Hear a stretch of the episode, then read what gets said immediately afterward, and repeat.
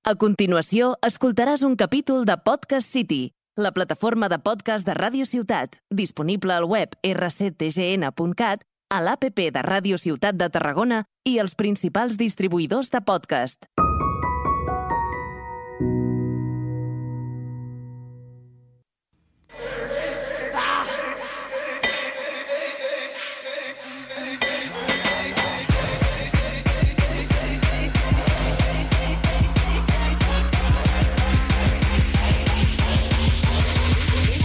De la ira, comando home, servicio a domicilio. Destruir la norma, un podcast de cerdas y diamantes. Nuestro espacio para compartir aprendizajes y cuestionar el sistema desde una mirada interseccional.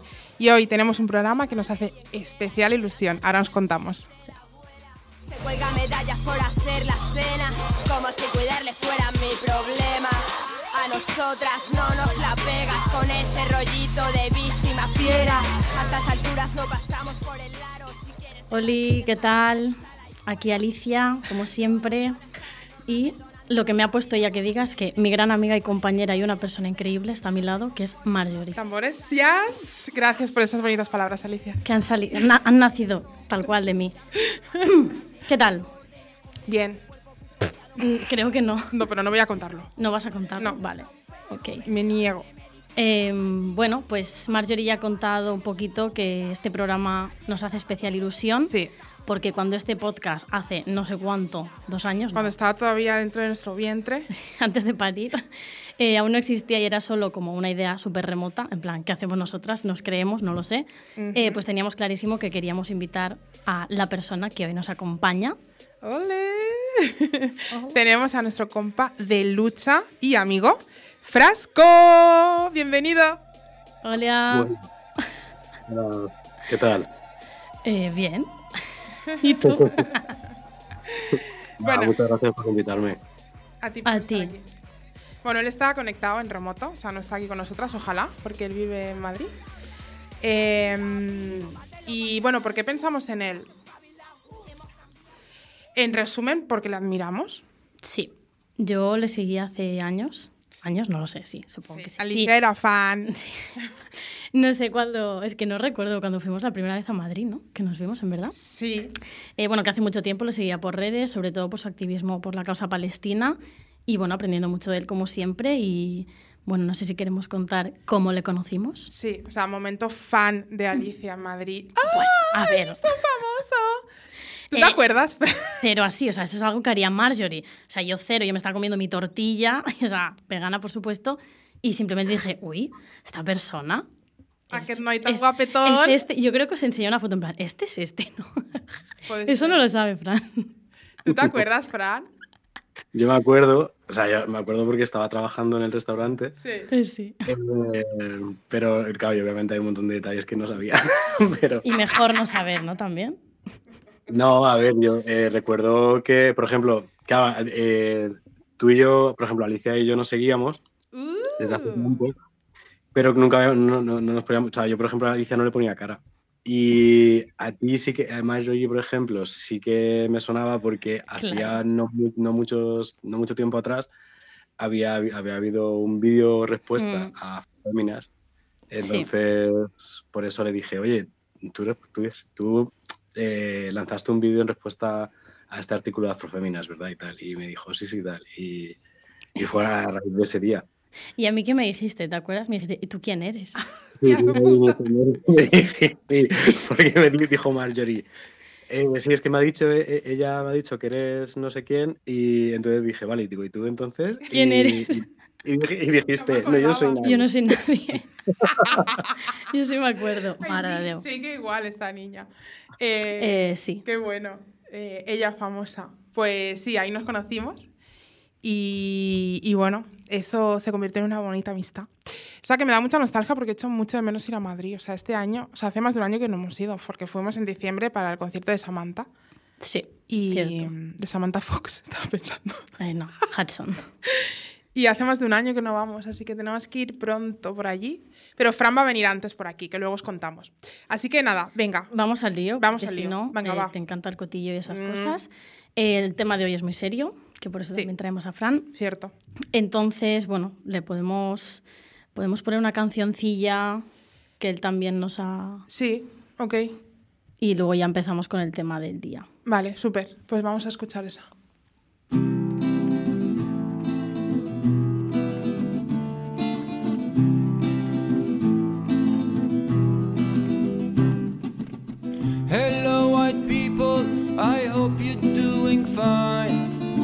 I got a message for you from Palestine, where everyone is some kind of refugee. No one was left behind to drown in the sea.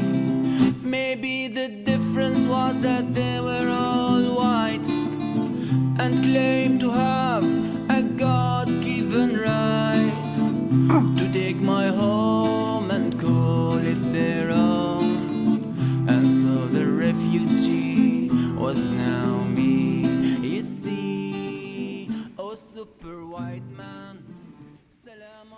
Bueno, hemos escuchado a.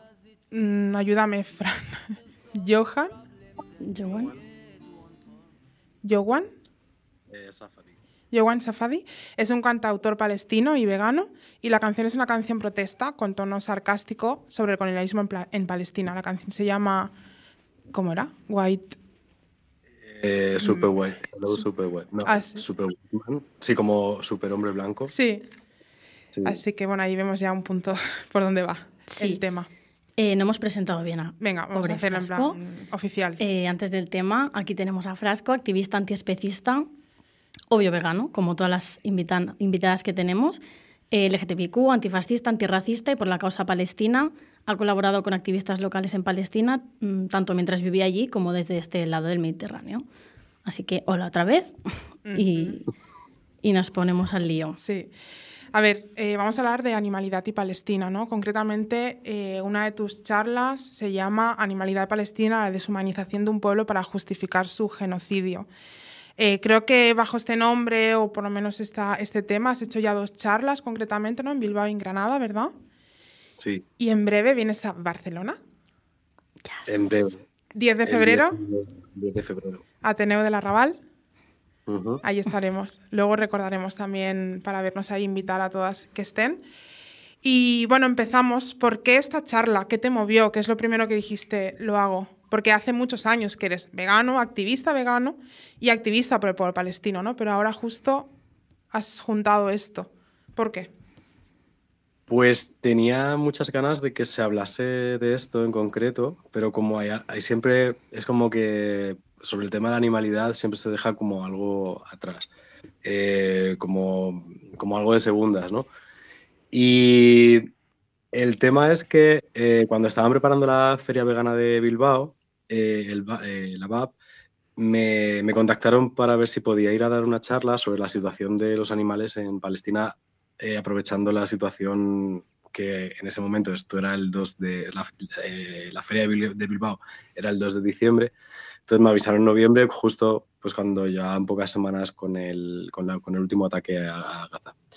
Y, bueno, cuando me lo presentaron, cuando me propusieron, eh, como yo llevaba tiempo rondando, me, me llevaba rond- tiempo rondando en la cabeza el, el hecho de, hablar sobre la animalidad eh, y cómo la animalidad se utiliza como herramienta o como arma contra, contra quienes eh, queremos acabar, básicamente, eh, o contra quien se, quiere, en este caso, llevar un genocidio. Me pareció súper interesante y les propuse el tema y en, Bilbao me dijeron que totalmente de acuerdo y que adelante, que me cedían el espacio. Y así empezó. Creo que es un tema, al final es que el tema de la animalidad y, la cuestión animal es como el, elefan- el elefante en la habitación que todo el mundo quiere ignorar. Eh, y, me parece muy interesante cómo está todo conectado. Eh, creo que no se ha reflexionado suficiente. No sé, y tanto involuntariamente como voluntariamente. Creo que también hay una, hay un- una parte de, de realmente querer no, no analizar, porque obviamente si analizamos tenemos que cuestionarnos a nosotros mismos. Muchas cosas. Eh, nos gustaría hablar un poco más, ¿no? en profundidad de- del concepto de animalidad, si te parece, porque no todo el mundo puede estar familiarizado. Entonces, para introducir un poco el tema, queríamos leer algún algunos titulares, ¿no? De hace unos meses, cuando empezó... Bueno, este genocidio empezó hace mucho tiempo, ¿no? Hace 65 años, pero justo ahora que llevamos ya casi tres meses. Em, por ejemplo, algunas noticias eran el ex embajador de Israel ante la ONU llama a los palestinos animales horribles e inhumanos. O el ministro de Defensa israelí anuncia el completo asedio de Gaza diciendo estamos luchando contra animales. Sí, y un organismo dependiente del Ministerio de Defensa reitera que los gazatíes son animales humanos y que deben em, ser tratados como tal. ¿Qué vemos aquí? Bien, efectivamente, es decir, lo que vemos es claramente un lenguaje especista eh, para poder referirse a la población palestina eh, pues como animales y, si lo pensamos es como en, la mentalidad que tenemos, eh, o sea, en, la, mentalidad social, en, la sociedad, lo que, lo que entiende por animal, si, lo pensamos y damos, nos damos un minuto para pensar exactamente que, cómo vemos al animal en nuestro, en nuestro imaginario, eh, no es casualidad que tanto todos estos eh, representantes israelíes eh, utilicen ese mismo término para referirse a los palestinos. Algo que tampoco es nada nuevo, es decir, algo que se ha, que se ha dado también a todo, a todo lo largo del siglo XIX. Sí. Sí. Por ejemplo. Bueno, es que Si no, te escuchamos atentamente. No, no, no, tranquilo. no. Justo- Pues Nosotras habíamos hablado ¿no? en algún programa de, de la temporada pasada, em, cuando hablábamos de la construcción binaria del mundo, pues ¿qué es un animal? Pues lo contrario al humano, ¿no? Y por lo tanto ahí detrás eh, conlleva muchísimas otras cosas para diferenciar y para justificar un poco, bueno, un poco no, la opresión. O sea, Exacto, sí. De hecho, iba a decir eso, que eh, ya habíais hablado de, de estos dualismos en, en, en en podcasts anteriores. Eh, claro, efectivamente, ¿dónde empieza todo esto? Todo esto empieza pues, en, todo el, en el siglo XIX, con todo esa... Con, con- y- y a- a- o sea, perdón, pero quiero decir, todo esto empieza con el- en el siglo XIX, con toda la, con toda la idea y la, ideología que que llevar arrastrando desde entonces, por ejemplo, el- todo el tema del proyecto israelí. Eh, que es prácticamente todo proyecto nacionalista que viene desde el romanticismo eh, europeo del siglo XIX, eh, el auge de los nacionalismos y demás. Eh, viene con toda la supremacía blanca, donde el europeo blanco puede hacer con el resto del mundo y con el resto de personas y animales del mundo lo que le dé la gana. Entonces todo esto viene de ahí, porque eh, el tema de la animalidad, pues a ver, por ejemplo, eh, se ven muchas más cosas en, el- en la ocupación palestina, por ejemplo, Mm, desde cómo se les trata, o sea, desde literalmente cómo se les trata a los, a los, a los palestinos en todos los ámbitos, pero eh, concretamente, por ejemplo, en el hecho de eh, la, la prohibición de, o sea, el, eh, la- el, no, no tener libertad para libertad de movimiento en ningún caso, tanto por ejemplo el hecho de crear un muro de separación para poder tenerles controlados, eh, el hecho de tener puntos de control, checkpoints, donde tienen que pasar completamente y en ese checkpoint, por ejemplo, si no te comportas como debes, pues por un lado, o, o te pueden llevar arrestado o te pueden matar directamente. Eh, eh, intentar que no tengas ningún tipo de, meta en tu vida, eh, en el sentido de, por ejemplo, cuando llegan las épocas de exámenes, cortar carreteras para que los estudiantes no puedan acceder a las universidades. Por ejemplo, en el tema de los checkpoints, también decir que no es tampoco nada, no es nada sorprendente o no debería ser nada sorprendente que, por ejemplo, tanto el checkpoint de Calandia como el checkpoint que está entre Jerusalén y Belén, eh, que está cerca de la tumba de, Raquel, eh, esos dos checkpoints, por ejemplo, eh, la estructura es básicamente como la de un matadero. Es decir, tú cuando pasas el, el checkpoint, a mí me recuerda, o sea, tienes que pasar por unos pasillos largos, totalmente altos, sin ningún tipo de nada, o sea, con o sea, nada de decoración ni nada, evidentemente, es como si estuvieses pasando como a un corredor de la muerte. y donde todo el mundo está, todo el mundo está eh, afinado en el, de, en, el de, en el de la tumba de, Raquel, pero en el de Calandia, por ejemplo, es como una especie de eh, medio laberinto en el que tienes que ir en zigzag eh, hasta llegar a los puntos de control con cámaras, con, una, con un sonido que te recuerda mucho a, a las instalaciones de un matadero. Y no es, no es nada casual, o sea, es decir, todo esto viene de esa parte de deshumanizar, o mejor dicho, de cosificar a, a, los, a los palestinos como, eh, como si fuesen cosas que es como realmente tratamos a los animales. Claro. De hecho, aquí es la gran frase, una de las grandes frases de este podcast es nada es casualidad, como lo que acabas de decir. O sea, no, nada es casualidad, no tiene siempre algo eh, que ya sabemos por dónde va. Em, bueno, eso es súper interesante. Yo también aquí meto un poco de spam. Nosotras tenemos una postalita que ya sabéis que si queréis os la podemos enviar por mail, que justamente eh, habla de esto, que es la supremacía blanca, está sustentada sobre el relato de la animalidad, ¿no? porque justamente también en el proceso de racialización em, pues de la no blanquitud, pues está justamente el relato de la animalidad. Y, bueno, de eso saben mucho las, iba a decir compañeras, pero qué compañeras si no las conozco, las hermanas Co, que han escrito libros que también aquí hemos recomendado, por lo menos el primero, Afroísmo, de 824, traducido por 824, y hace poco, que mm, me lo regalaste tú, me, lo, me lo envió hace poco justo. Brujería como... No, espera. Eh, ¿Cómo?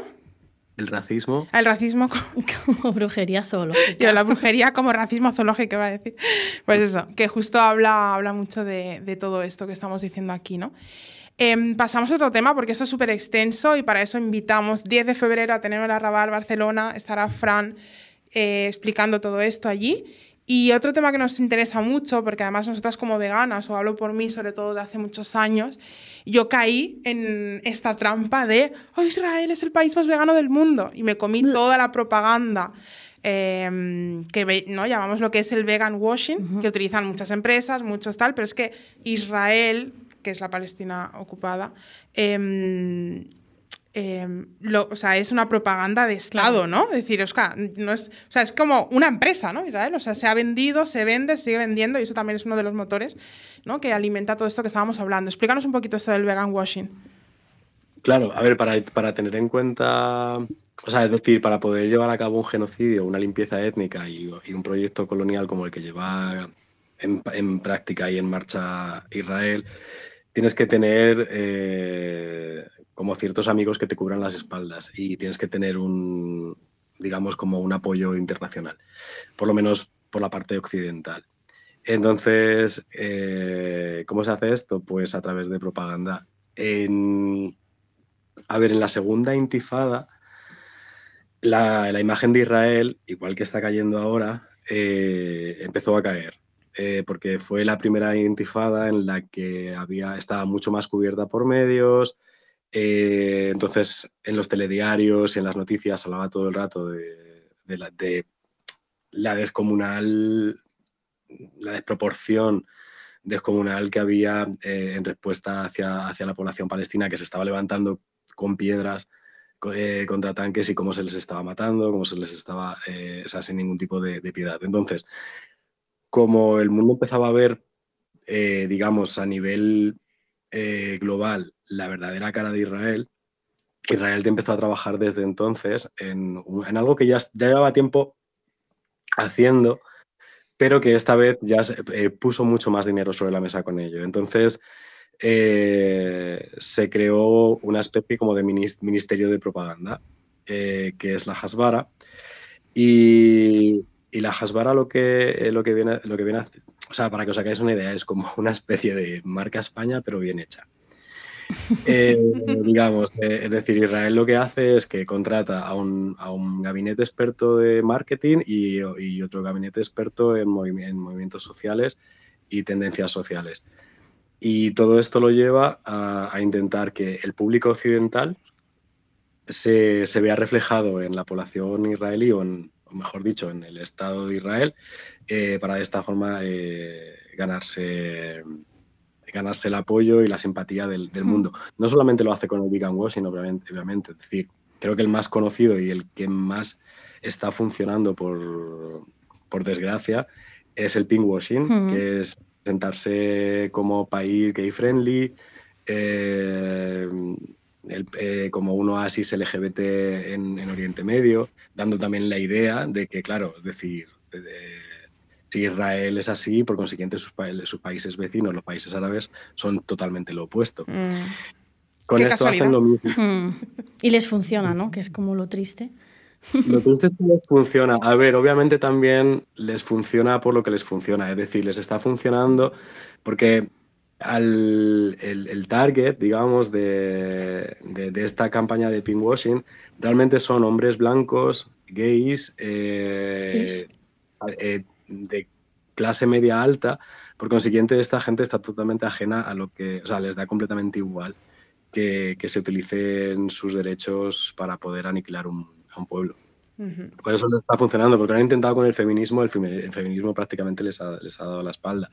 Lo, han- lo están intentando con el arte, lo están intentando con un montón de cosas. Y con el vegan washing también lo están intentando. En el, el vegan washing, pues, por ejemplo, se presentan pues eso como el país más vegano del mundo, cuando no es mm, para nada eh, cierto en absoluto. Israel es el primer país a nivel mundial en consumo de pollo y, eh, y está entre el cuarto, sexto país eh, a nivel mundial en consumo de carne.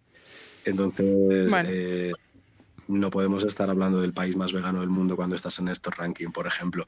Ya. Mm, se- luego lo que pasa es que se hacen un montón de, de estrategias de, de marketing donde se pagan un montón de compañías, un montón de ONGs para que publiquen tus noticias o para que se hable de, de ti.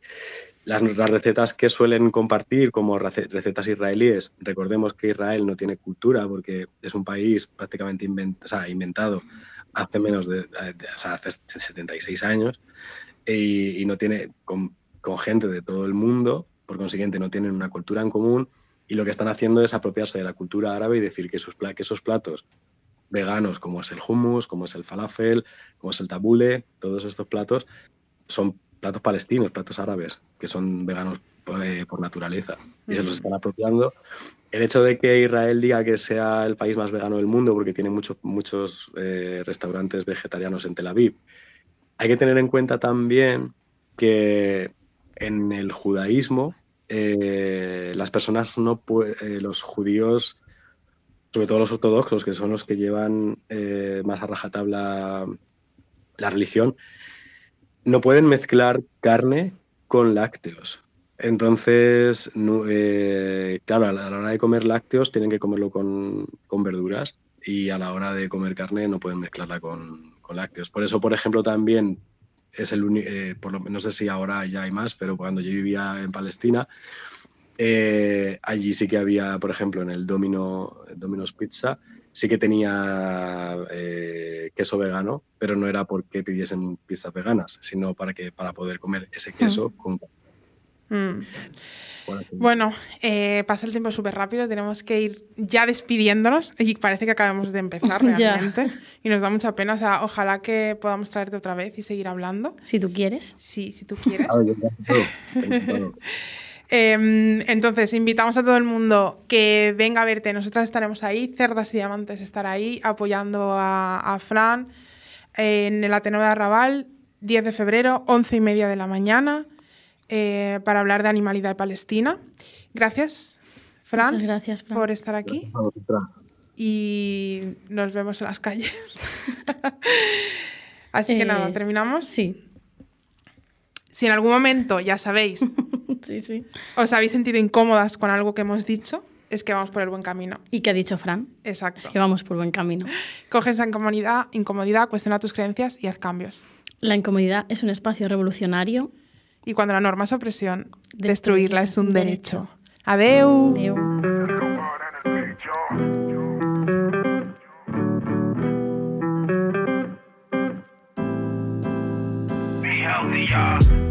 La paz comienza en tu plato, no esperes. Has escoltat un capítol de Podcast City, la plataforma de podcast de Ràdio Ciutat, disponible al web rctgn.cat, a l'APP de Ràdio Ciutat de Tarragona i els principals distribuïdors de podcast.